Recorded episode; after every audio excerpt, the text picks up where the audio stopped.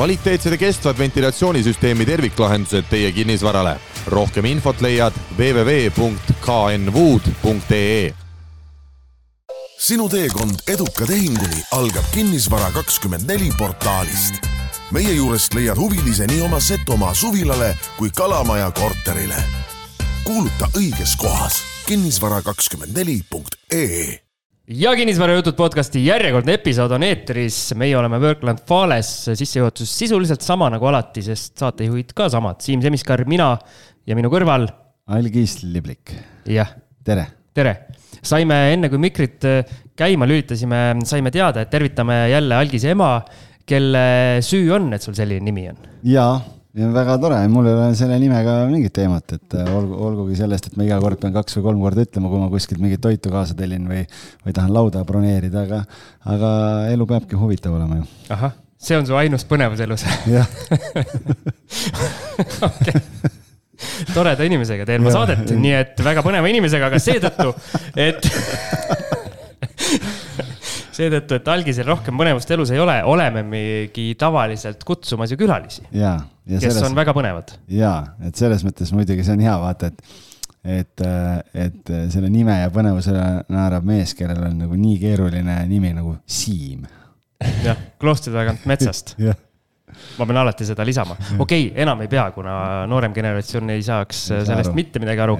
aga ühesõnaga, mitte sellest me ei tahtnud rääkida, vaid meil on ju külaline ja investorist kinnisvaramaakler Jörgen Truu. tervist.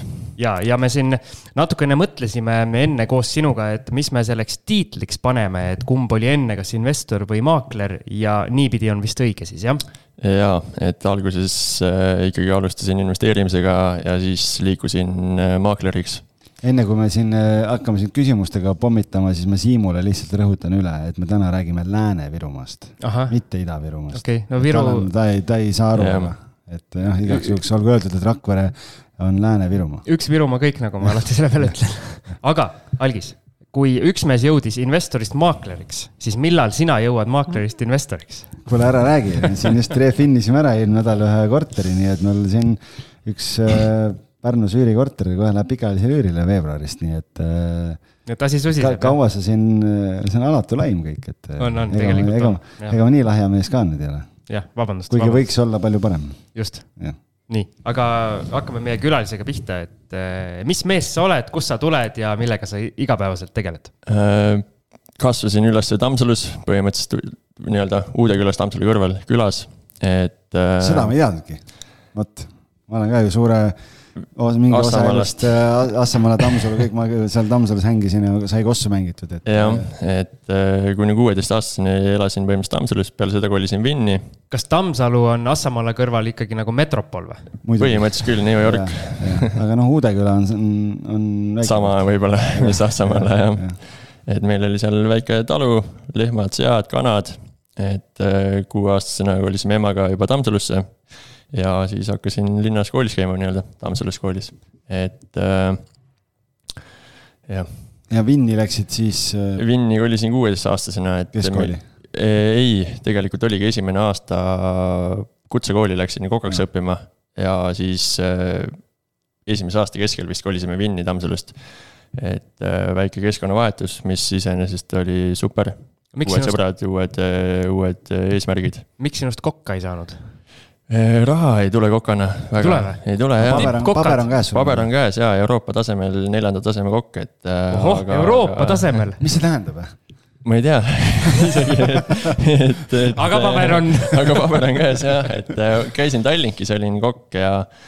aga, aga ambitsioonid olid ikkagi suuremad, et ja raha piisavalt ei tulnud, ei saanud investeerida, siis läksin Soome.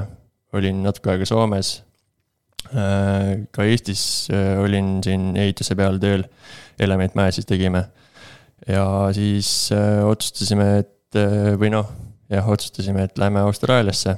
olime aasta Austraalias, sai natuke raha kogutud ja siis, siis sai ka juba investeerima hakata, et no okei okay,, tegelikult investeerima hakkasime, hakkasin kaks tuhat neliteist.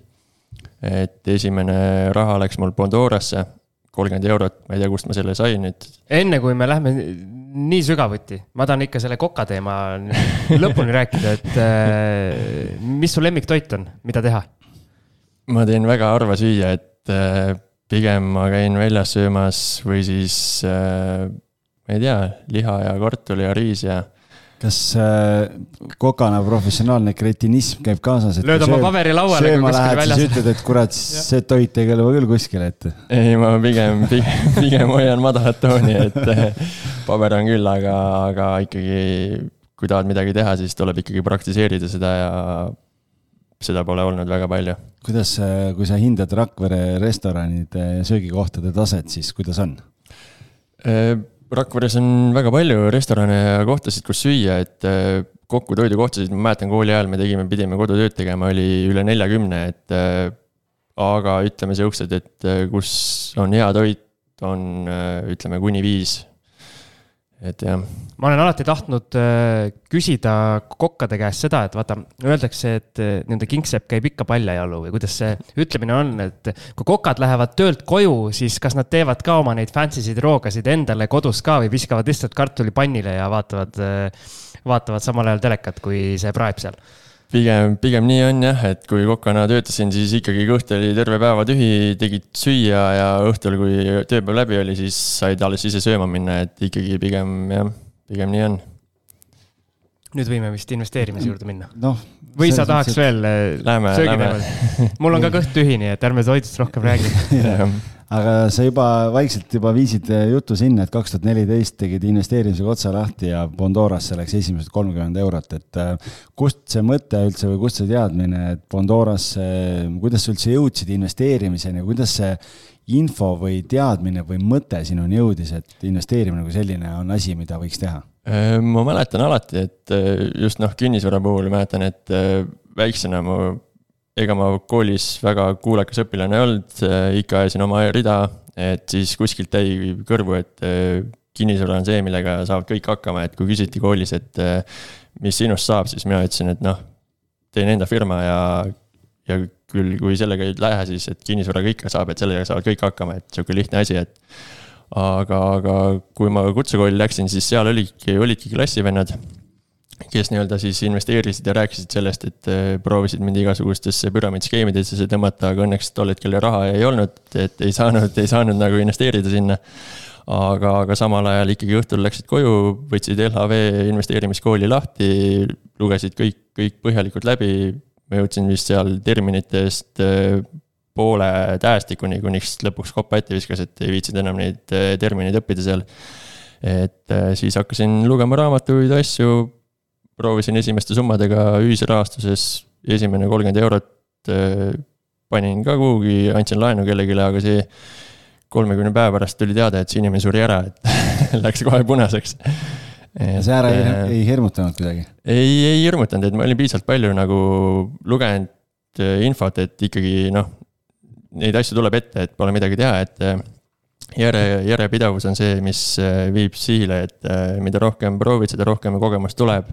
ja tõenäoliselt hakkab ka siis äh, tulemused tulema, et kooliraha tuleb ikka maksta, et selle vastu ei saa okei okay,, aga kui sa ütlesid, et äh, esimesed kolmkümmend eurot läksid Pandorasse ja siis äh, alguses nii-öelda lisasid selle repliigi ka, et sa ei tea, kust sa selle raha said, aga, aga kinnisvarasse sisenemisel on oluliselt rohkem vaja kui kolmkümmend eurot, et kuidas sul äh, asi sinnamaani jõudis äh,? kinnisvarasse ma jõudsingi, tegelikult äh, ma juba hoidsin silma peal, ma ei mäleta, mis aastal ma kaitseväes käisin, äkki oli kaks tuhat kaheksateist vist enne kaitseväge ma olingi Tallinkis tööl, tahtsin, vaatasin turgu, vaatasin Seminari tänaval on üks kahetoaline müü-, müüja kuueteist tuhandega.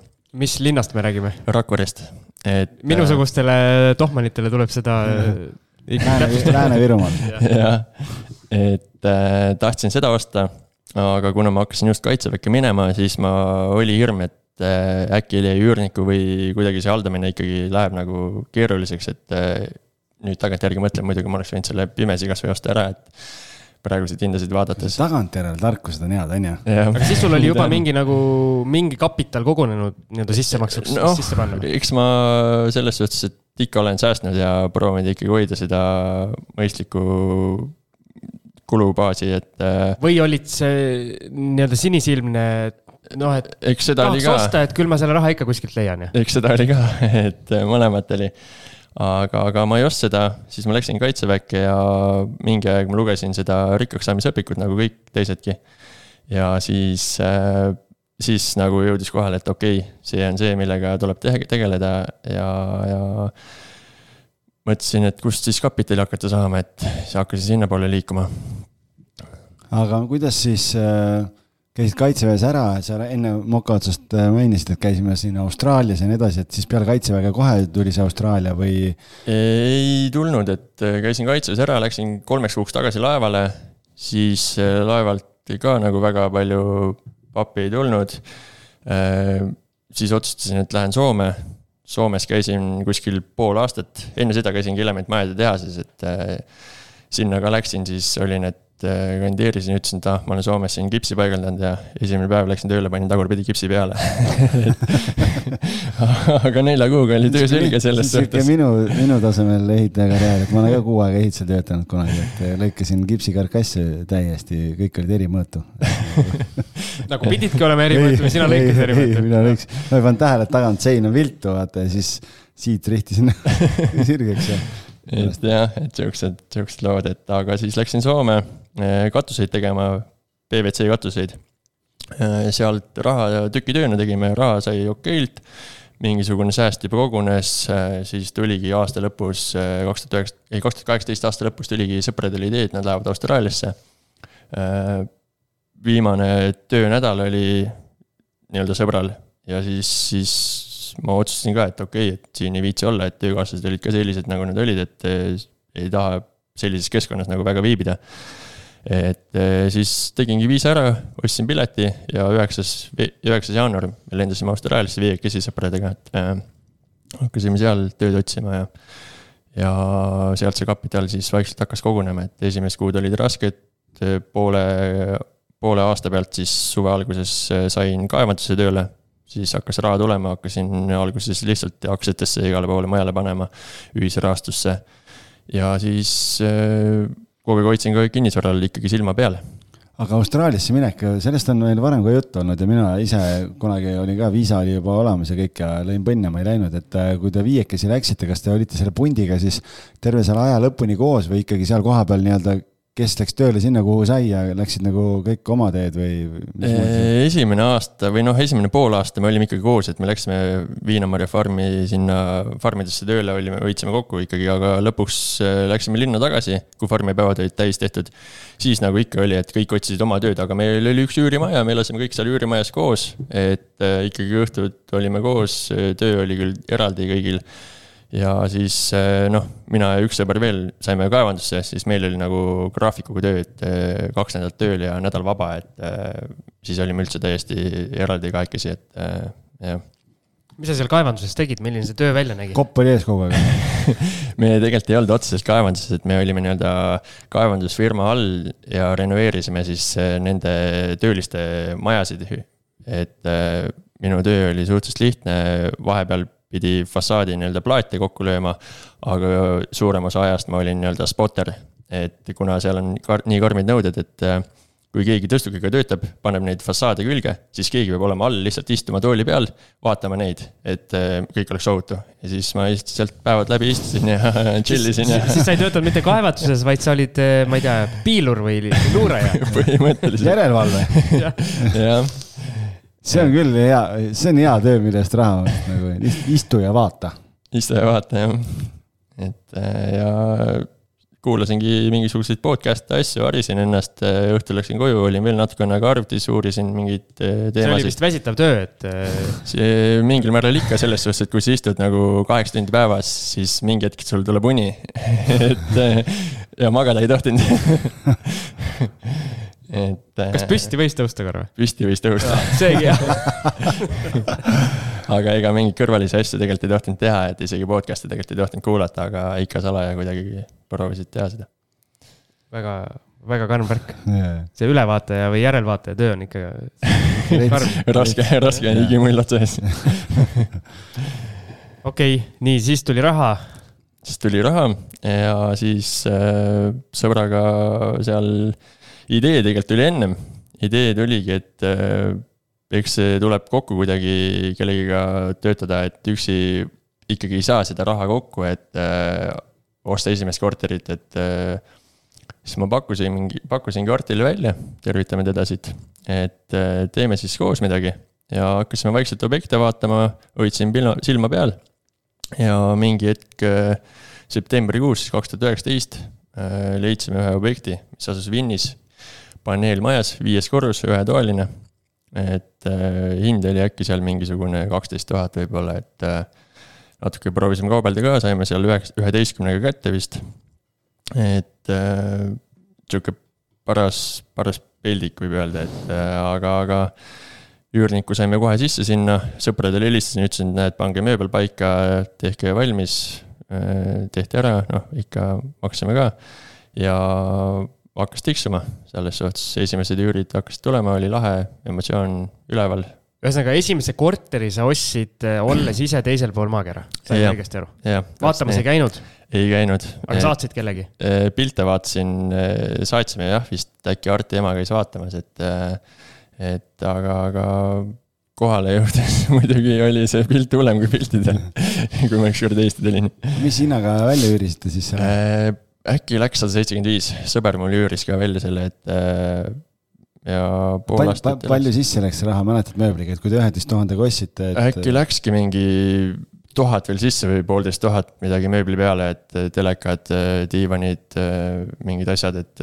aga miks just, miks just Vinnis, ma saan aru, et see on nii-öelda kodukoht, tunned piirkonda, aga kas sa teadsid midagi sealsest üüriturust ja, või tegid mingit eeltööd või? Pigem oli lihtsalt see summa kättesaadav et ostsime, mida osta oli, et ja. et kui sa ütled, et kaksteist tonni oli kogukulu ja sada seitsekümmend euri kuus, siis mu kiir-, kalk-, kalkulaator kohe kiirelt arvutas siin välja, et seitseteist prossu tootlust. jah, et äh, niimoodi tootluse mõttes on hea, aga ikkagi selles suhtes, et äh, kui saad sada seitsekümmend äh, euri üüri ja sul pesumasin läheb katki seal, siis sööb kohe kahe kuu üüri ära, et äh,. pesumasin sööb ära jah, sõna otseses mõttes. okei okay üks korter hakkas tiksuma, probleeme polnud, kinnisvarainvestori nii-öelda dream life terendas põhimõtteliselt põhimõtteliselt jah, et eks ikka mingid sõbrad olid, ütlesid, et mis mõttetut asja sa teed, et äh, aga, aga ise hoidsid ikkagi pikal plaanil silma peal, et äh, see ongi see esimene korter, mis sa ostad, et see ei jää sul viimaseks ja. ja, ja siis hakkasime juba järgmist vaatama. Äh, kaks tuhat kakskümmend aasta lõpus või aasta alguses, siis kaks tuhat kakskümmend aasta alguses jah, tulin mina Eesti ära kohe jaanuarikuus ostsime uue korteri Vinni kahetoalise, samamoodi, et äh, mu venna sõber äh, tahtis Austraaliasse minna, raha oli vaja. me läksime sinna, tegime pakkumise, võttis pakkumise vastu ja tema läks Austraaliasse, mina hakkasin remonti tegema seal korteris ehk siis seda korterit sa käisid reaalselt vaatamas ka siis? seda ma käisin reaalselt vaatamas ka, et ta oli küll selles suhtes seal elas sees ehitaja, aga see korter oli ikkagi vahu peale üles ehitatud, võib öelda, et paras, paras sihuke õudusunenägu, et eh, pidi palju ära lammutama ja ikkagi otsast peale tegema enamus asju. mis hinnaga selle kätte said? Eh, kui ma õigesti mäletan, oli ka kaksteist tuhat vist, alla läks mingi neli-viis tuhat, et eh, ja läks välja kakssada eurot üür. okei okay et ikkagi sellised äh, korralikud kahekohalised tootlused, äh, Siim, nii nagu professionaalsed äh, magnaadid teevad. vot, ma ei oska niimoodi, peaks ka sinna Virumaale kolima. pead ka jah, maakohta tulema, siis, siis saab. see tehing oli ka siis ainult omakapitaliga? see oli ka ainult omakapitaliga jah, et viimased säästud panime hakkama ja, ja tegin üksi või noh, mitte üksi ja vahepeal oli sõber ka abis, tegime koos remonti ja ja maikuus vist sain valmis. kas sinna läks kips juba õiget pidi seina või? sinna läks kips juba õiget pidi, et seal, see oli korralik kool ka mul juba, et äh, sain, sain skill'i ja, ja oskusi natukene järgmisteks objektideks juhendamisel. kas siis tekkis juba selline magnaaditunne ka, et ikkagi kaks korterit ei, päris ei tekkinud millal see tekib, huvitav? siis kui arendad võib-olla nojah, sellepärast ma siiamaani, ma siiamaani ootangi see seetõttu yeah.. ja siis oligi maikuu, et siis ma läksin, hakkasin kandideerima maakleriks põhimõtteliselt. kust see mõte tuli? mõte tuli tegelikult juba enne Austraaliat, ma tahtsin midagi teha, see tundus sihuke lahe, käid viisakalt riides, oled oma aja peremees. ilusate autodega sõidad ringi täpselt nii, et. ilusad naised kõrvalistmel et aga, aga kuidagi ta jäi. jah, kui me Austraaliast tulin tegelikult, siis ma läksingi kohe kinnisvaramaakleri koolitusele ka, et Tõnu Tombargi koolitusele. kinnisvara abc, tegin selle ära ja algselt oli plaan minna Tallinn-Tartu maakleriks, et ei tahtnud sinna vanasse keskkonda jääda, aga kuna keegi minuga nii-öelda ei tahtnud jutule võtta mind, siis ma. reaalselt oli selline olukord, et sa saatsid kuskil oma CV-d. ma saatsin igale poole, üks partnerisse ja mingid Arcorad ja asjad ja ma ei mäleta, kas enamustes kohtades ma ei saanud vastustki isegi mitte, et. Äh, algisele ka saatsid? ei saatnud. ei saatnud tõenäoliselt no vot et aga. Big mistake What a mistake to make nii, aga, aga täna sa oled maakler, et kus sa siis said lõpuks äh,? siis oligi, et ega raha hakkas otsa saama, aeg, korter hakkas valmis saama, nii-öelda midagi oli vaja teha. siis ma otsustasin, et okei okay,, praegu on hea, mugav, et oled siin vanemate juures, elad ja, ja kulud on väiksed, et alustab siis siit, et niikuinii see maakleri amet on selline, et ega äh, kindlat palka ei ole, tuleb ise teha ja siis ma kandideerisin kohikutesse Rakvere büroodesse põhimõtteliselt ühe õhtuga mäletan, et äh, Uusmaasse ma kirjutasin veel kirja pool üks öösel, et äh, seda veel toonitati mitu korda et öösel tuli see kiri. et äh, ja esimesena helistaski Uusmaa käisin koosolekul ära kuna ma olin juba asjast nagu, asjas sees ka, mingid teadmised olid. et ei olnud päris valge lehe pealt, siis, siis sinna ma ka sain ja sinna ma otsustasin jääda, muidugi teised ka kõik helistasid peale seda kohe mulle, et tule, tule kuule, sa oled Uusmaa, Rakvere ja Paide ja meil Kersti Okas käis ju Paidest rääkimas, et meil on kuidagi siin uh, Uusmaa maffia on meile siia sisse tunginud, Siim, et uh,. ei tea, sina, sina siin räägid uh,, räägid külalistega, kas uh, mingid mingid jõujooned hakkavad Virumaalt no,? ei tea jah, et siin kuidagi isegi praegu tabasin ära, et, et. nüüd siis saab aru alles. sellise professionaaliga ma saadet teen. ei, mul ei ole selles suhtes midagi, et no mul, kuna mõlemad inimesed on investeerimises äh, väga põneva taustaga ja, ja kogemustega, siis see on nagu see, mis määrab. jah, Kersti on äh, kolleeg mul. nii et okei okay,, nii, siis kuidas sul minema hakkas siis, kui sa sinna maakleriks äh, sättisid ennast? Äh, eks ta oli, alguses oligi see koroona, tõmbas selle vaikseks ära. Äh, mina, kui maikuus läksin, siis juba hakkas tagasi taastuma see asi, et äh, ma ei mäleta küll, et ma oleks midagi kuidagi raskelt oleks alguses olnud, et ikkagi läks väga sujuvalt ja meeskond samamoodi toetas ja, ja sain nagu kohe nagu ilusti tulud, tulud jooksma ja sain nagu tegutseda samal hetkel. kus sa objekte said alguses? kas tõmbasid külmad kõned peale kohe või? Äh, neid ka pidi tegema ikka jah, eks see on sihuke kõige raskem osa, kõige ebamugavam osa selle töö juures. aga, aga kui objekte pole, siis seda tuleb teha, lihtsalt ei ole midagi teha. et ja sai ka nii-öelda büroo poolt siis tulid mõned objektid. kui palju Rakveres üldse selliseid aktiivseid nagu maaklerid on, kellega sa konkureerid seal täna? Äh, eks meie büroo ongi enda, enda kolleegidega, ega sihukeselt jah, ütleme, et äh, pigem on vähe, et eks Tallinna omast ka siin mõned tahavad siin tur-, turgu võtta, aga, aga pigem on vähe sihukeseid aktiivseid. kui me räägime nii-öelda Rakverest, kas see piirduski ainult äh, linnaga või sealt ümbruskonnas ka? kogu, kogu Lääne-Virumaa, et äh, kus ja, on, sealt, seal tuleb tegutseda. ja jätkuküsimus, kui palju sellistes väiksemates kohtades inimesed äh, maaklerit kasutavad, et kui sul on ikkagi see objekti hind äh, oluliselt madalam, siis mul tundub, et. Assamalas nelja või viie tuhandest korterit müüa maakleriga ei tundu nagu loogiline. ja, ja eks see, eks need maainimesed on hinnatundlikud ja maainimesed on ka mingil määral ise ettevõtlikumad, et äh, et.... kuulsite kõik linnainimesed, saite praegu, pikki turri ära niimoodi ja õigustatult et kõik tahavad ise tegutseda, ise müüa. et eh, eks ta on, et kui KV-d ka vaadata, siis päris palju on kuulutusi, mis on otse omanikult. et aga, aga kui sa oled aktiivne, näitad ennast eh, heast küljest, oled inimestega sihuke sõbralik, aus, siis ikka pöördutakse su poole ja, ja küsitakse abi aga tead, enne kui me lähme konkreetsemalt, ma tahan Rakvere üürituru koht või tähendab nii kinnisvara müügituru kui üürituru üü,, jumal küll noh. me, meil on vaja seda lumiorava pausi vaja. tšau. sinu teekond eduka tehinguni algab Kinnisvara kakskümmend neli portaalist. meie juurest leiad huvilise nii oma Setomaa suvilale kui Kalamaja korterile kuuluta õiges kohas kinnisvara24.ee nii, mina kogusin ennast ja saame jätkata. aga me jäime siis äh, Rakvere kinnisvaraturu juurde, kui ma õigesti mäletan. mis ja. seisud praegu on, et Algis siin kogu aeg toob meile igasugu numbreid ja suhtarve ja, ja pakkumiste arve siit Tallinnast, aga mis Rakveres toimub ja üldse siis Virumaal? Äh, eks ta, eks ta, ma arvan, igal pool äh, maakohtades selline vaikne ole aga, aga investorid, ütleme, on kadunud, äh, koduotsijad ikka ostavad, käivad, vaatavad. kas investor on täielikult kadunud või?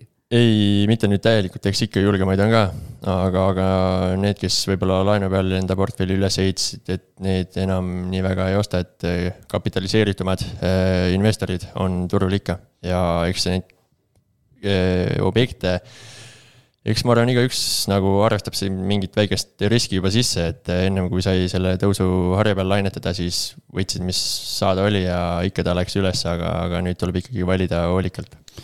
Arko Vara, analüütik Mihkel Heliste on ka Rakvere, Rakvere mees ja tema just ühes viimatises äh, podcast'is, mis ma kuulasin, ütles, et tema meelest on Rakveres ikkagi nagu äh, ohtlikud ajad praegu, et jube palju kuidagi arendatakse uusarendusi, et mis teil on seal, buum on teil või, või mis teil toimub seal, et, et investoreid pole, aga kellele neid asju seal siis ehitatakse? Äh, buum ei ütleks, et on, aga, aga tõesti uusarendusi on päris palju, et kui nüüd äh, kõik nad valmis peaks saama, siis ma arvan, et äh, ühikuid on rohkem kui järelturu pakkumisi, et. Äh, mis see ühiku number umbes on, mis, mis arenduses on praegu? Äh, üle saja, ma üks päev arvutasin kokku, et üle saja jah, et seitse arendust on. üks on siis nii-öelda vanast majast uus tehtud, et aga, aga ülejäänud on kõik ikkagi uusarendused. viis tükki on neist, mis on juba kopp maas, kaks tükki on sellised, kus veel koppa maas ei ole et jah. kui palju see ruutmeetri hind erineb siis järelturust äh, uusarendustel, on see Rakvere jaoks vastuvõetav, mis hinnanumber tuleb? Äh, jah, ostjaid on selles suhtes ikka, et äh, uus maja on uus maja, et hea elada ikkagi uues majas, et kui räägime vanadest paneelmajadest, siis ruuduhind on, ütleme, tuhat kuni tuhat kuussada, kui on nagu nii-öelda paremas seisukorras, aga, aga uusarenduses äh, ikkagi ta kipub sinna kaks pool kuni kolm pool jääma. ja inimesed ostavad? jaa, on ostjaid küll. et äh, isegi müün ühte uude, uusarendust äh,, mis on teistest parem muidugi et aga, aga sealgi on mõned broneeringud peal ja, ja huvi on suur aga kui sa müügituru poole pealt välja tood, et, äh, et noh, eelmine aasta turg muutus oluliselt rahulikumaks, et, äh, et mis see numbriliselt tähendab siis, et kui palju seal äh, teil seal turg muutunud on? et kui ma vaatan nii-öelda numbreid, siis kaks tuhat kakskümmend üks eh, või noh, kaks tuhat kakskümmend ütleme, oli kakssada kakskümmend neli tehingut, eh, keskmine ruuduhind oli seitsesada kolmkümmend üks. siis kaks tuhat kakskümmend üks oli kakssada üheksakümmend seitse tehingut, mis on tipp eh, tehingute arvu poolest ja ruuduhind oli seal keskmine üheksasada nelikümmend kolm kaks tuhat kakskümmend kaks juba oli tuhat ükssada viiskümmend viis ruuduhind, tehinguid kolm, kakssada kolmkümmend kaheksa, siis see aasta on see kõvasti langenud ja tehingute arv oli sada kaheksakümmend neli. ja ruuduhind oli tuhat ükssada kaheksakümmend. aga ikkagi, kui sa mõtled seitsmesaja pealt sinna tuhande ühesaja peale, et see on, see on ikkagi viiskümmend prossu kasvu. põhimõtteliselt küll jah, et äh, korralik kasv. aga kas nüüd selle aasta ruuduhinna sees on juba need uus, uusarendused ka või, või veel mitte? Siit on välja nopitud mingisuguseid anomaaliaid, et uusarendusi kaks tuhat kakskümmend kolm ega ei olnudki siukseid, mis oleks tehingusse läinud. et kõik, kõik hakkasid sellel ajal ehitama, et ei olnud jah tehinguid sellel ajal. ehk siis nii-öelda see hinnatase püsis? jah. nagu ma mõtlen seda tehingute arvu kõik, et kui see on see kahesaja kandis, et see on sihuke viisteist, kakskümmend tehingut kuus põhimõtteliselt küll, jah. et äh, aga see on ainult Rakvere praegu, jah? see on ainult Rakvere, jah. jah, okei okay.. Äh... kuule, aga selle juurde kohe tulleski, kui sa ütlesid, et sinu tööpiirkond on Lääne-Virumaa, on ju, terve Lääne-Virumaa, kui sa nüüd oled Rakveres ja ma ei tea, sinuga võtab ühendust keegi Rakkest või, või Võsult või ma ei tea, Kundast, on ju et kuule, ole hea, müü mu maja ära või, või müü mu kinnisvara ära, sa paned nagu tund aega ühte suunda, tund aega tagasi, mis need vahendustasud on, mida te küsite seal selleks, et üldse nagu midagi nagu näppude vahele ka jääks? no ütleme, et Võsul on ikkagi selles suhtes, et kinnisvara hind on väga hea, et äh, Käsmu on Lääne-Virumaa kõige kallim kinnisvara üldse, et Võsu on Käsmu kõrval täpselt, et. Äh, Võsu on jumala chill koht. seal jah, seal, seal nagu kannatab müüa, aga Rakkesse ma ei sõida selles suhtes, et äh, jätan vahele seal, seal. sõidad mööda sinna, sinna, seal on kinnisvarahinnad nii väiksed, esiteks see vahendus on nii väike ja sõit on nii pikk, et äh, mul on midagi targemat teha selle ajaga pigem. et aga eks need vahendused ikka jäävad nagu kolme kuni viie prossa vahele et oleneb siis varast ja kaugusest ja asjadest. et kui on noh, väga väike hind, siis on ikka pataka kaup, et tuhat viissada pluss käibemaks, aga, aga, aga muidu on protsendiga. pataka kaup öeldakse või? noh, jah nojah, selles mõttes kuskilt jääb see miinimumpiir, kust allapoole pole mõtet äh, nagu, et noh, siis ei maksad peale selle eest, et. jah okei okay.. no mõtle, kui mul on Kohtla-Järvel on selline peldik korter, millest tahaks lihtsalt lahti saada, ma võtan äh, maakleri, oletame müügihind on kaks-kolm tuhat, siis ma maksangi maaklerile selle. jah, mina ei, seda müüma ei hakka, aga võib-olla äkki keegi müüb. See oli selline hüpoteetiline hüpoteetiline püsti pandud oletus.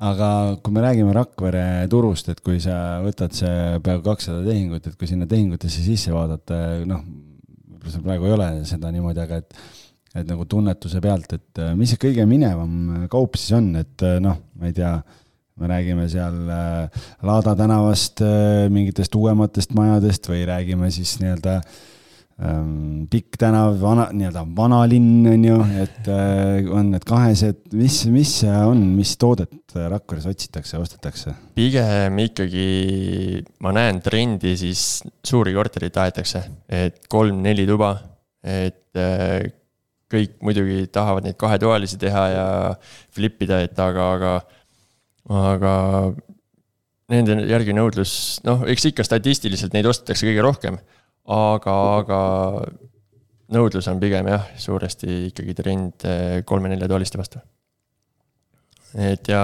kesklinn, rekitud maja, esimene-teine korrus, viies korrus ei, ei müü. ja korter võiks ka olla ikkagi heas seisukorras, et eh, kui on natukenegi teha, noh, muidugi aasta-poolteist tagasi läks minema, aga enam ei taheta remonti teha ja ostetakse valmis toodet mingi hetk äh, käis uudistest läbi, et Oleg Gross hakkab äh, Tsentrumi keskuse asemele sinna suurt pilvelõhkujat ehitama, et äh, kas see plaan on endiselt jõus ja, või, või on see praegu nüüd jäänud paremaid aegu ootama? ei, see plaan on endiselt jõus, et minu arust nad said jälle mingisuguse etapi läbitud, et, et lähevad ikkagi täitsa normaalses tempos edasi sellega. aga näed sa, et sellisel pilvelõhkujal on vajadust või kohta üldse Rakveres, et nagu tundub nagu selline noh, kuidas ma ütlen, ma ei tea, kentsakas natuke. eks ta, eks ta ole natukene jah, tõesti selline, et, et, et kes, kes seal hakkavad nende rentnikud olema ja kes neid korterid seal ostab, et mis hinnaga need üldse müüki tulevad, et aga, aga aga kuna ta on nii eriline, siis ma arvan, et ikka kõik tahaksid sinna äh, midagi saada. ma tulen korra sellise lihtsa kinnisvarainvestori äh, nii-öelda teema peale, nagu ma olengi, eks. ütleme, Mati Mustamäelt tahab äh, tulla Rakverre investeerima, siis kui palju tal peaks raha olema, et näiteks üks selline Äh, ühetoaline paneelika korter endale soetada, kui palju sealt üüri saab ja mis tootluse ootusega Mati sinna võiks tulla? noh, täna hommikul just vaatasin, oli üks ühetoaline müügis seminari ühes, et äh, mis äh, nii-öelda vastab siis nendele kriteeriumitele, paneelmaja, keskküte ja asjad. et kolmkümmend kaheksa tuhat maksis see ja ma arvan, et selle eest võiks küsida sihuke kakssada kakskümmend viis kuni kakssada viiskümmend seminari tänav, see tundub nagu selline haritud värk olevat. seminari pood keegi ostab selle korteri ära kindlasti, küsin vahetust. seminari pood on veel alles või? seminari poodi ei ole enam alles, et ja. seal on üüripinnad, et äh, ja müügis ka muideks, kogu see maja.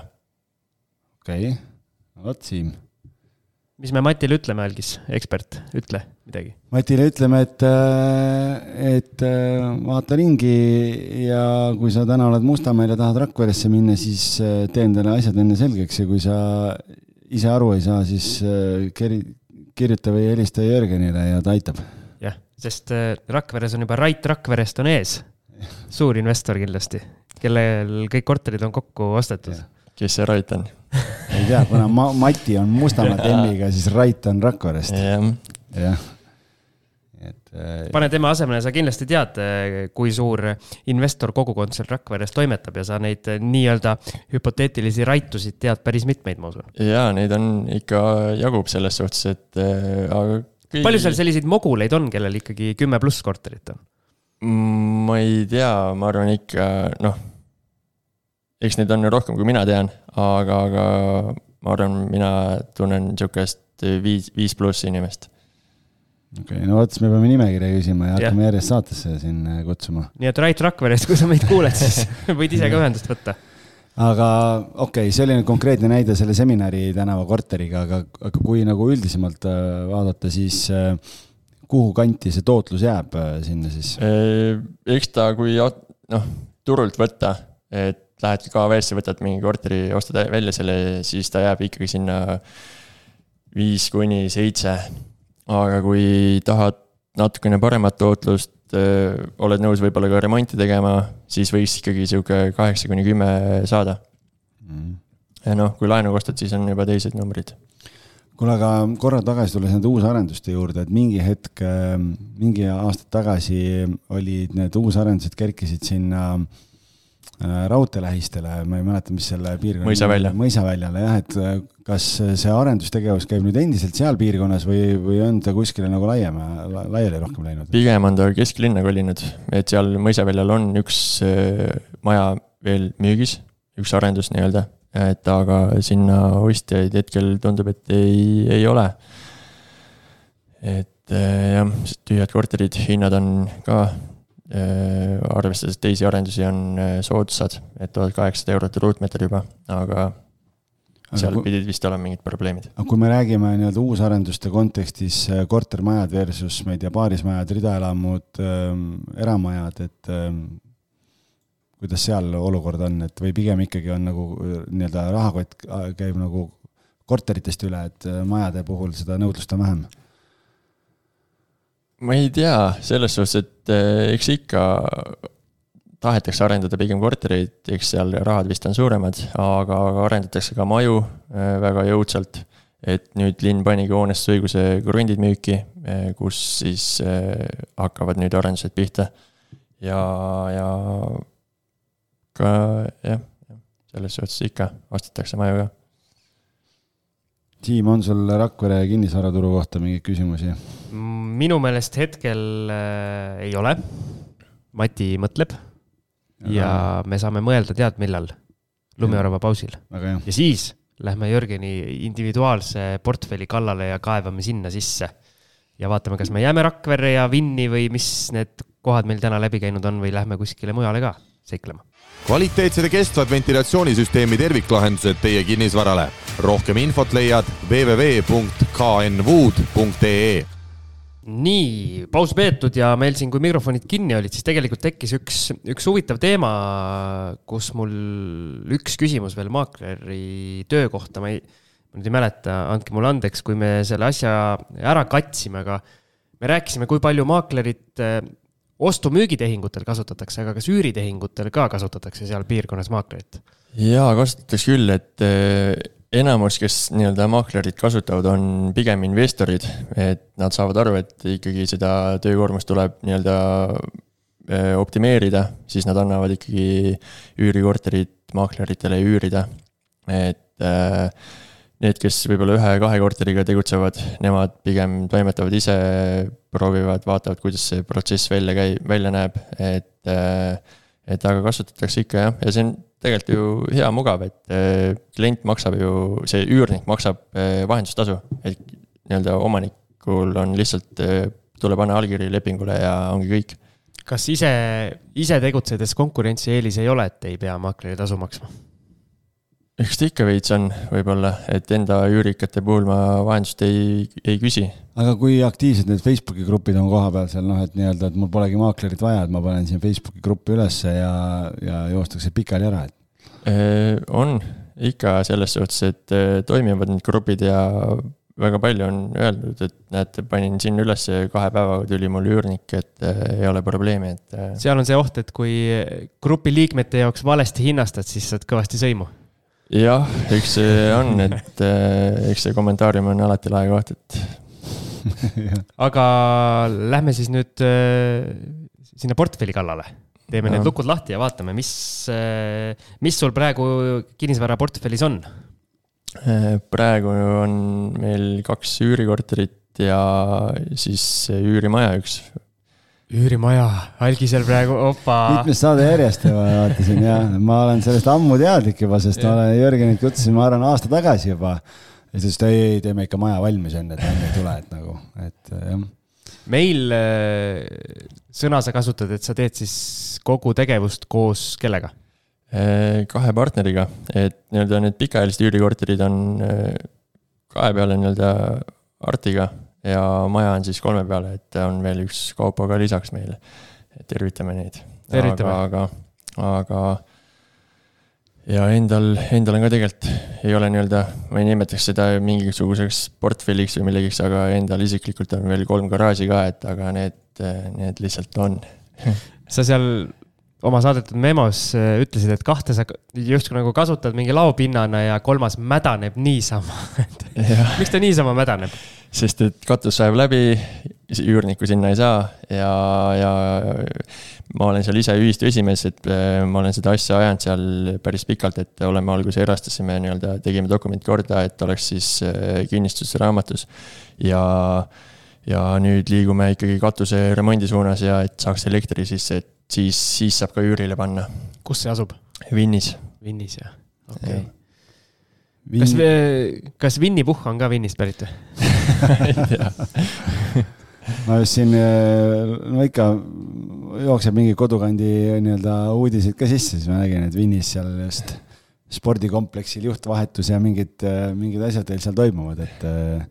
jaa, ei, selles suhtes Vinn on lahe väike koht, et kõik vajalik on olemas, kool, pood, apteek, spordihoone, buss sõidab Rakveresse iga tunni aja tagant. Selles suhtes, et väga okei okay,, et seitse kilti Rakverest, et jah. kuule, aga sa oma memos seal kirjutasid, et sa ühe korteri oled ära müünud Vinnis, ka selle kõige esimese vist, jah? see oli jah, see kõige esimene. podcast'i kuulajale, kuulajale., ta on meil vist Kinnisvara õhtul ka käinud, kui mälu ei peta. võib-olla küll. tervitame siis jällegi nii palju tervitusi on täna teele läinud nii et. aga miks sa müüsid? lihtsalt oli vaja kapitali saada ja eks ta jäi, et esimene üürikorter ja ei olnud võib-olla kõige sihuke, ei tahtnud seda enda portfellis omada, et viies korrus ühetoaline Vinnis paneel majas, et pigem mitte. Kas me lähme nüüd selle üürimaja juurde, algis siin ootab seda ja kibeleb. no me võiksime ju sellest rääkida jah, et no,. kui sa juba tulid, räägi sellest ka. kui sa juba tulid, siis jah, et noh, räägime siis sellest, et aga, et äh, oota, aga seal memos tegelikult oli kirjas, võib-olla räägime need muud asjad enne ära, et sa oled siin Tammsalusse ostnud midagi ja, ja flippinud olete ka, et pigem olete siis üüriinvestorid, mitte flipijad, jah?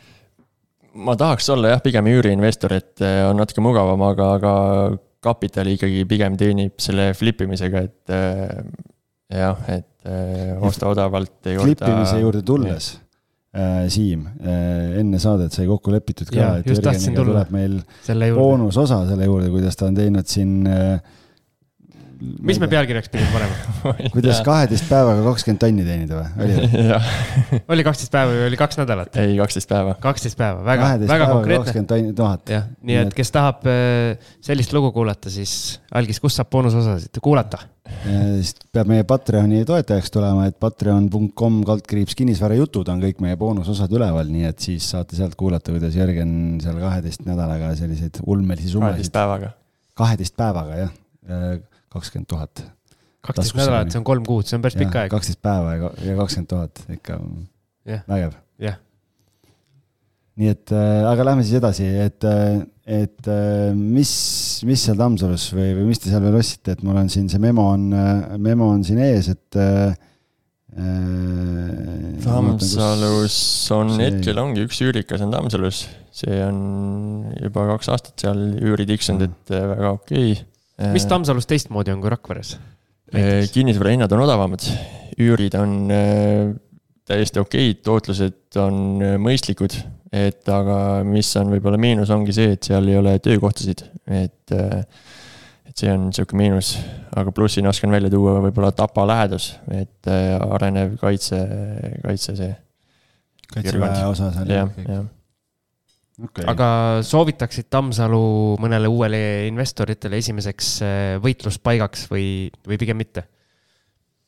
kui kodutöö ära teha, siis ikka jaa, et eks see tuleb, tuleb kaaluda riskid läbi ja tuleb osta õigesse majja korterit, eks neid igas piirkonnas on, kus ei taheta üürida, kus ei taheta osta, et eh, hinna, hind on küll võib-olla kättesaadav, aga, aga kui sa ostad sinna ära, teed remondi ka veel, mis siis eh, tegelikult kinnisvara hinnast hiljem ei kajastu.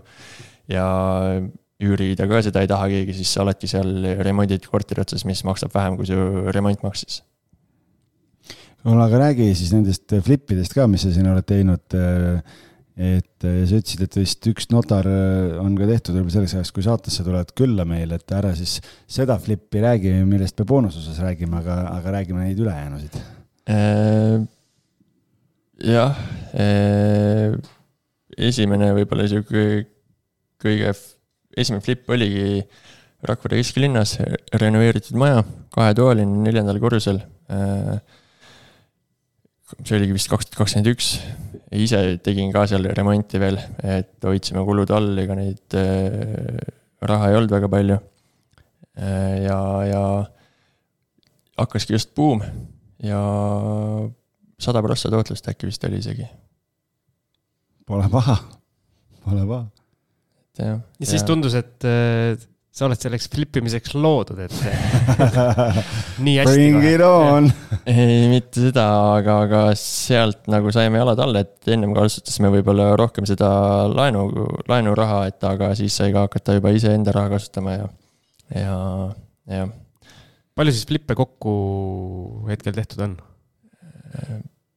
ma vaatasin teadmikust, et kokku on olnud meil vist äkki mingi kaheksa-üheksa korterit, et kaks on alles, et siis seitse sihukest äh, müüki on olnud. see üks kaheteistpäevane seal enam ei kajastu, et see läks nii kiiresti minema, et jah. et äh, aga enamus on olnud pigem mugavusflipid, et äh, kasutan lihtsalt turuolukord ära. tean, et see korter on võib-olla tegelikult kallim pikast pildid on tehtud halvasti või siis on lihtsalt tahavad kiiresti lahti saada, Äh, reageerin kiiresti, lähen sinna, ostan ära, äh, teen paremad pildid, panen turuhinnaga ülesse ja võtan selle, sealt selle kasumi.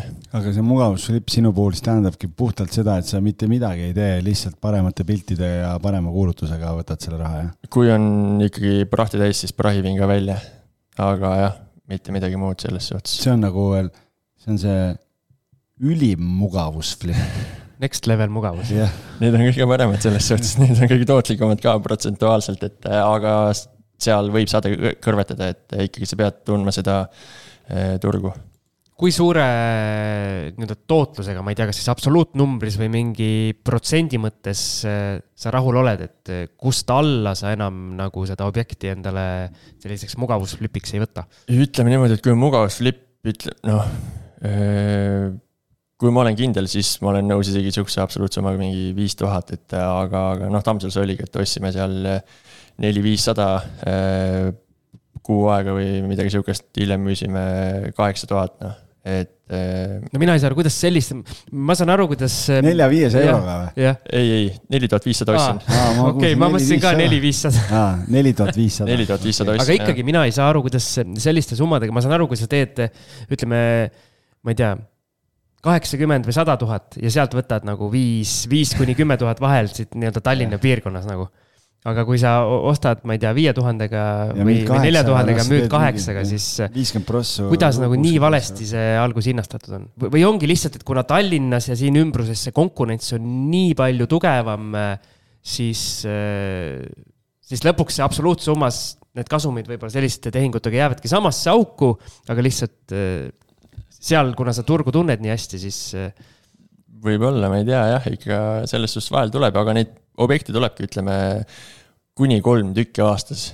et ja siis tuleb kiiresti tegutseda ja osta ära, et äh, aga kui ikkagi peab ise remonti tegema ja ostuhind on kallim, siis, siis pigem võiks see tootlus jääda sinna absoluutsummana alla kümne, mitte et äh, viisteist on okei okay,, üle selle on juba hea, et äh, kümme on sihuke, nojah no vot. nii, aga kas lähme nüüd siis selle Posti külaliste maja juurde? no nii, sa võtsid juba guugeldasid lahti, ma guugeldan ka siis. Posti guest house, võta lahti ja teeme reklaami ka siis, et, äh, et äh, kodune mugavus Rakvere südames. Posti guest house on põhjalikult renoveeritud külaliste maja, kus tunned end kui kodus. kaheksa korteriga maja mahutab kuni kakskümmend kaheksa inimest, lisaks tasuta auto parkimine hoovis okei okay., ma vaatan, teil on kodulehekülg on siin ilusti kõik saab siit otse broneerida ja nii edasi, et äh, Airbnb-d ja booking ut ei kasuta või, või on see lihtsalt üks lisavõimalus? Booking ust tuli ka välja mul praegu mingi link. jaa, ei, ta on lihtsalt üks lisavõimalus, pigem seda Aa, kodulehte nii. kasutatakse isegi vähe, et seal on natuke vaja isegi andmeid uuendada, et aga, aga põhiline on booking, äh, natukene ka Airbnb-d. okei okay ja ma näen. kuule, aga jumala ilus on ju. väga ilus. räägi nüüd, räägi sellest majast. kust see tekkis silmapiirile, kuidas see renoveerimine, mis seisus ta oli, kui te ostsite üldse? ta oli nelja, nelja korteriga maja, et eh, suht, suht sihuke noh, nii nagu ta kunagi ehitati põhimõtteliselt, nii ta oli ka, ahjud olid sees ja vett, eh, kana, vesi vist oli, aga kuivkeemlad olid seal ikkagi, et äh, majja oli tulnud vesi ja kanal. aga ega korterites seda ei olnud, et, äh, et äh, pigem õnnetusseisus, aga, aga karp oli hea, vammi midagi ei olnud. et jah. kui suured need korterid seal nüüd on, sa ütlesid, et algus oli. neli tükki. neli ja tegite kaheksaks. tegime kaheksa jah, et Äh, kõige väiksem on vist seitseteist ruutu, nii-öelda stuudio selline ühetoaline. panime sinna just ilusa kappvoodi ka nädalavahetusel, et äh, ja kõige suurem siis deluks korter on äh, kakskümmend seitse ruutu. kappvoodi tähendab seda, mille sa saad tõsta päeval üles ja õhtul tõmbad seina pealt alla nagu ja, voodiks või? see ei ole Eestis väga levinud lahendus, kust, kas Eestis keegi toodab seda või kust te leidsite selle? Äh, Kaupo leidis selle, et ma nüüd peast ei oska öelda, kust ta selle leidis. peaks kohe guugeldama kappvoodi, et kas ma keegi müüb. näitan pilti. no nii, meil näidatakse pilti ka kohe. aa, väga äge, väga äge. ongi täpselt nagu, nagu nimi ütleb, kappvoodi. kappvoodi, jah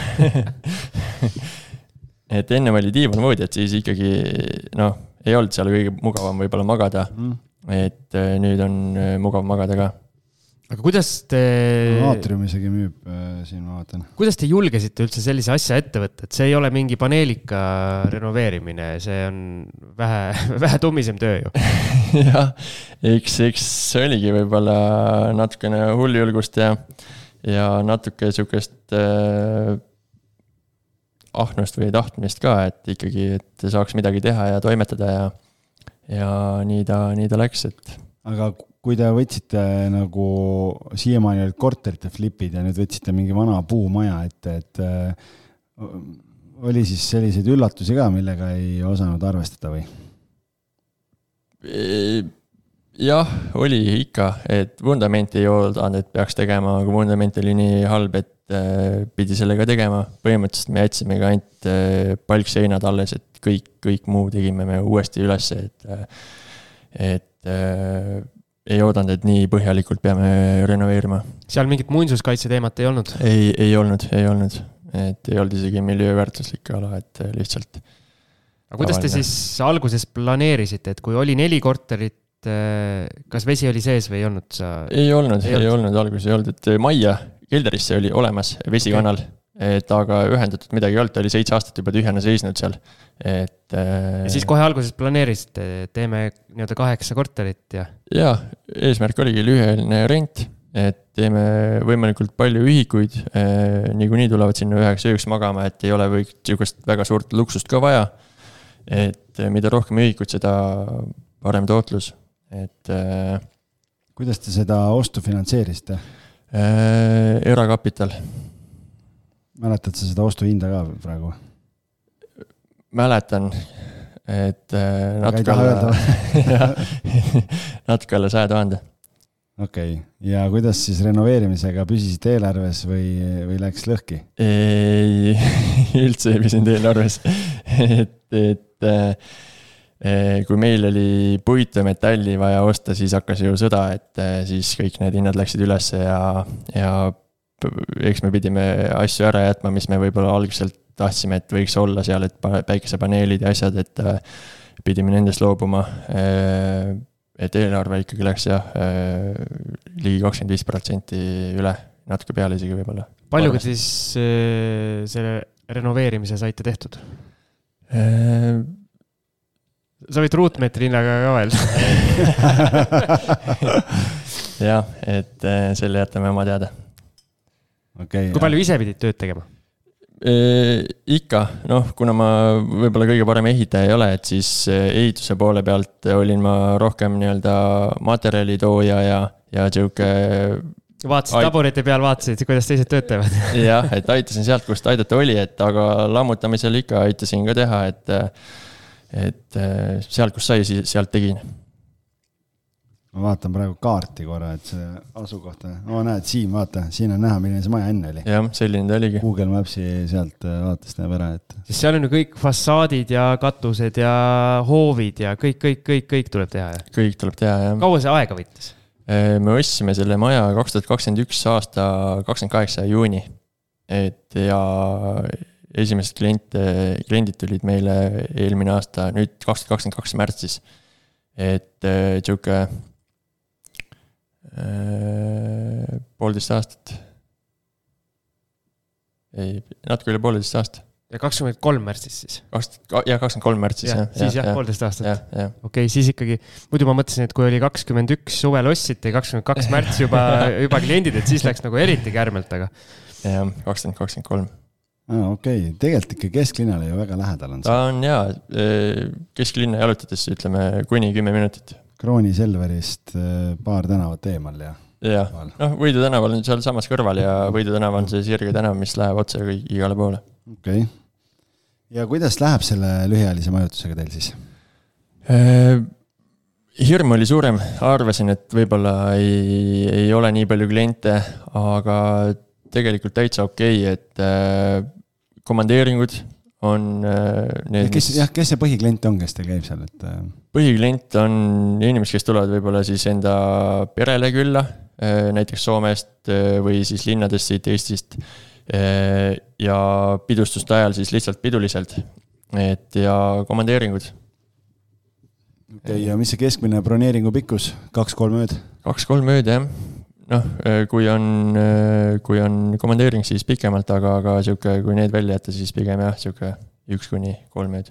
kuidas see halduspool teil on ära manageeritud siis koristamised ja kõik asjad, et, et? meil on võetud koristaja palgale, et kes siis koristab ja hoiab korda, et ja ega väga palju ei olegi muud vaja seal teha, et. suhtlus on sinu suhtlus peal? suhtlus on minu peal jah, et kõik, mis koha peal nii-öelda kiireloomulised asjad on, siis kõik, kõik on minu peal, et kuna ma ise elan seal. kuidas on, kui palju klientidega nii-öelda probleeme tekib, et keegi ei leia midagi ülesse või kellelgi on mingid, mingid asjad kohe väga pakiliselt vaja öelda sulle kell kakskümmend kolm null null öösel? eks ikka on, et mõned, kes ei oska booking'u sõnumitesse vaadata, et ei saa juhiseid kätte või midagi, et aga, aga pigem on vähe neid, et äh, pigem on vähe jah, et äh, saavad hakkama, probleeme siukseid ei ole olnud, üks oli, kes tuli, pani pidu seal natukene lõhkus, aga, aga. ma ikka imestan, kuidas neid inimesi nagu satub, et nagu tuled, sa võtad mingi lühiajalise üürikoha, siis tuled, jood ja lõhud nagu. mis sul arvus on, noh, et nagu müstika täielik? noh, jah, eks ma pärast guugeldasin ka teda, et ta oli seal kuskil Venezuelas äh, vangis olnud mm. muulane, et, et sellise minevikuga inimene. okei okay., aga kuidas sul võtmete pool on lahendatud, sul on nutilukud või? mul on lockbox'id jah, et äh, saadame koodi enne saabumist ja võtavad ise võtme ära minnes, panevad võtme tagasi, koristaja tuleb tööle. sul on igale korterile eraldi lockbox või? jaa, meil on postkast ilusti sinna ukse kõrvale pandud, mille sees on siis kõik lockbox'id. aa, okei okay,, sest ma nägin ka, ma käisin nädalavahetusel Haapsalus just, ma nägin esimest korda sellist nagu postkasti laadset nagu kappi, kus oli, panid koodi sisse, põmm ja siis oli seal seitse, seitse sellist nii-öelda sahtlit üksteise all ja siis viskas ukse lahti, said võtme kätte sealt, et noh, ma olen muidu näinud niisugust ja me ise kasutasime tabaluku moodi neid erinevaid äh, lockbox'e, aga see oli päris äge lahendus jah, et nagu räästa all, ta ei lähe sul märjaks, sest noh, kui me kunagi neid eraldi lockbox'e kasutasime, siis ta oli sul kuskil vihmaverenni küljes või kuskil aia küljes ja noh, siis sellised ilmad nagu praegu siin jäävihma ja värki ja siis kliendid tulevad, kirjutavad, et ei saa lahti, on jääs mingid sada asja, et kui ta on maja seina küljes nagu postkasti moodi selline lahendus, siis see on ülihea. ta on jah, täpselt ukse kõrval ilusti korralik postkast ja selles suhtes kõik on mugavalt tehtud. Siim võib veel vestlust jätkata, ma näitan Siimule pilti, sest tal on praegu nagu tuli, palju... tuli põleb, aga kodus pole kedagi, et ma näitan talle, mida, mida me silmas peame et.... kui palju see täituvus teil on jooksvalt? Äh, ta on seal püsinud, ütleme kuni detsembrini püsis ikkagi seal kaheksakümne juures, et äh, jaanuar muidugi on äh, väga lahja kuu, aga ma arvan, et see on igal pool nii, et äh, ei ole nagu probleemi, et oleme arvestanud sellega. me just rääkisime eelmises episoodis, mis äh, sai salvestatud meie jaoks siin tund-kaks tagasi, siis sama probleem ka Tallinna kesklinnas. et jaanuar on väga, väga vaikne. aga see on jaanuar ja veebruar ongi selline hapukurgi aeg, et jaanuar eriti, sest äh, aastavahetused, asjad on läbi, jõulud, inimeste rahad laiaks tõmmatud kõik, et eh, jaanuaris on vaja natukene haavu lakkuda. aga ma tahaks küsida, mis sa nüüd selle üürimajaga kõige rohkem õppinud oled, midagi teistmoodi, mis on see nii-öelda tavaline paneelika pikaajalise üüri teema? Eks ta on nagu selles suhtes parem, et kui sul on ikka korterid kõik ühes kohas, üks, üks kinnistu, üks hoone, sa haldad seda omaette, sul ei ole mingisuguseid kolmandaid osapooli, sa saad otsuseid teha kiirelt eh, enda soovide järgi. naabrid et... ei tule mölisema, kui lockbox'i paned kuskile sinna yeah. ukse kõrvale yeah.. jah, jah, et, eh, et eh, mugavus pigem ja, aga jällegist jah aga ma just mõtlen, see protsess ja kõik see, see planeerimine ja kõik see, see on ju hoopis, hoopis midagi muud kui. see on jah, hoopis midagi muud, et eh, korteri puhul sa ikkagi siukseid, eh, kui planeeringut ei muuda, siis sa ei pea isegi ehitusteatist võib-olla tegema, et eh, seal ikkagi tuleb ehitusload ja peatöövõtjad ja järelevalved ja kõik sellised asjad ikkagi tuleb kaasa, kaasa haarata, et. Äh, kui palju su maakleri töö aitas seda objekti nii-öelda algusest lõpuni viia või, või vastupidi, seal objektil tegutsemine aitas sind maaklerina edasi? ei mõjutanud, ma arvan, nagu ei mänginud rolli üldse et äh, üks lihtsalt ajaliselt võib-olla lihtsalt läks aega sinna, et pidid seda materjali viima, võib-olla natukene kliendid. Äh, kliendid pidid ootama. kliendid pidid ootama ootama, viin siin segukotte, et kannata. jah, et üks hetk oled seal võib-olla äh, puhaste riietega, teine hetk tõmbad tunkad jalga, lähed kiirelt, viid mõned kotid kohale ja siis jälle vastupidi ja eks ta nii on terve päeva riietus on kaasas, trenni, trennikott, tööriiete kott ja siis on, käib see laveerimine seal. mis su kaugem eesmärk on? nii investori, maakleri või mis iganes rolle sa võib-olla veel tahad kunagi kanda kinnisvaras? noh, eks kõike ei saa öelda, aga, aga, aga eks. midagi susiseb juba või? investori poole pealt tahaks ikkagi võib-olla arendust teha, et äh, alguses majaarendusi ja hiljem liikuda võib-olla siin kortermajade peale et ka see kinnistu on meil tegelikult ostetud niimoodi, et äh, väike arenduspotentsiaal on olemas, et äh, kinnistu suurus seda võimaldab. mis sinna juurde teha saab? Äh, me ei ole päris nii süviti läinud, et korraks selle projekteerijaga küll aren-, konsulteer-, konsulteerisime, aga, aga tõenäoliselt ka kas mingi kortermaja või siis mingi baaris väike elamu. aga see siis on müügiplaan teha või endale? pigem võib-olla müügiks jah, siis juba vot Siim, niimoodi käib. väga, väga vägev, et inimesed ikkagi nii-öelda plaanidega on. jah, kuule, aga kui sa nüüd mõtled tagasi kogu selle nelja-viie aasta peale, mis sa siin kinnisvara valdkonnas oled olnud, et äh, mis need peamised õppetunnid on siis, mida sa võib-olla tahaks meie kuulajatega jagada, millega võiks arvestada? Äh, noh, eks need äh, aastad on olnud head aastad, et. Äh, no sind turg toetas jah, et ega siin on lihtne siin üürimajasid teha, kui turg toetab. algis ei saanud isegi siis tehtud, kui turg põhimõtteliselt kätel teda kandis aga. teistele ka midagi, kurat. aga ma ei tea, eks tuleb, tuleb nagu olla sihikindel, mõelda plaanid läbi. ei tasu nagu mõelda sellele võib-olla, mida teised arvavad, et tee oma asja, tee hästi seda, ole aus ja, ja ma arvan, et äh, siis ikkagi pikas plaanis on võit käes. väga õiged asjad, mulle meeldis, mulle praegu meeldis. Nii, oota, meil on äh, üks äh, lõpuküsimus veel patenteeritud, lõpuküsimus. jaa, mida sa neile soovitad, kes võtavad praegu hoogu, et hakata investeerima kinnisvarasse?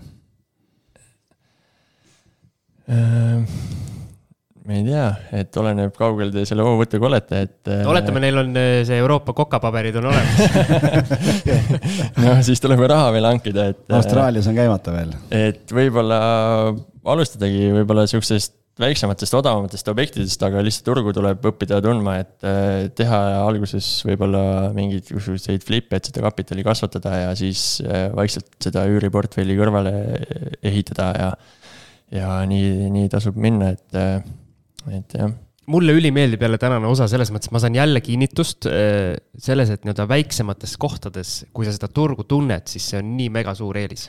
see on jaa, selles suhtes, et seal on ikka alati on kuskil paneelmajas mingisugused äh, pensionärid või pärandvaraga saadud äh, kinnisvara kes ise võib-olla elavadki kuskil Soomes, saavad selle kinnisvara ja nad ei oma mingit emotsionaalset väärtust seal, nad pigem tunnevad, et see on nende jaoks koorem, et et kui sa oled õigel ajal õiges kohas ja sa pakud seda hinda neile, siis nad annavad selle ära sulle suht mõistliku hinnaga ja, ja sa saad selle pealt protsentuaalselt väga head kasumit mm. -hmm.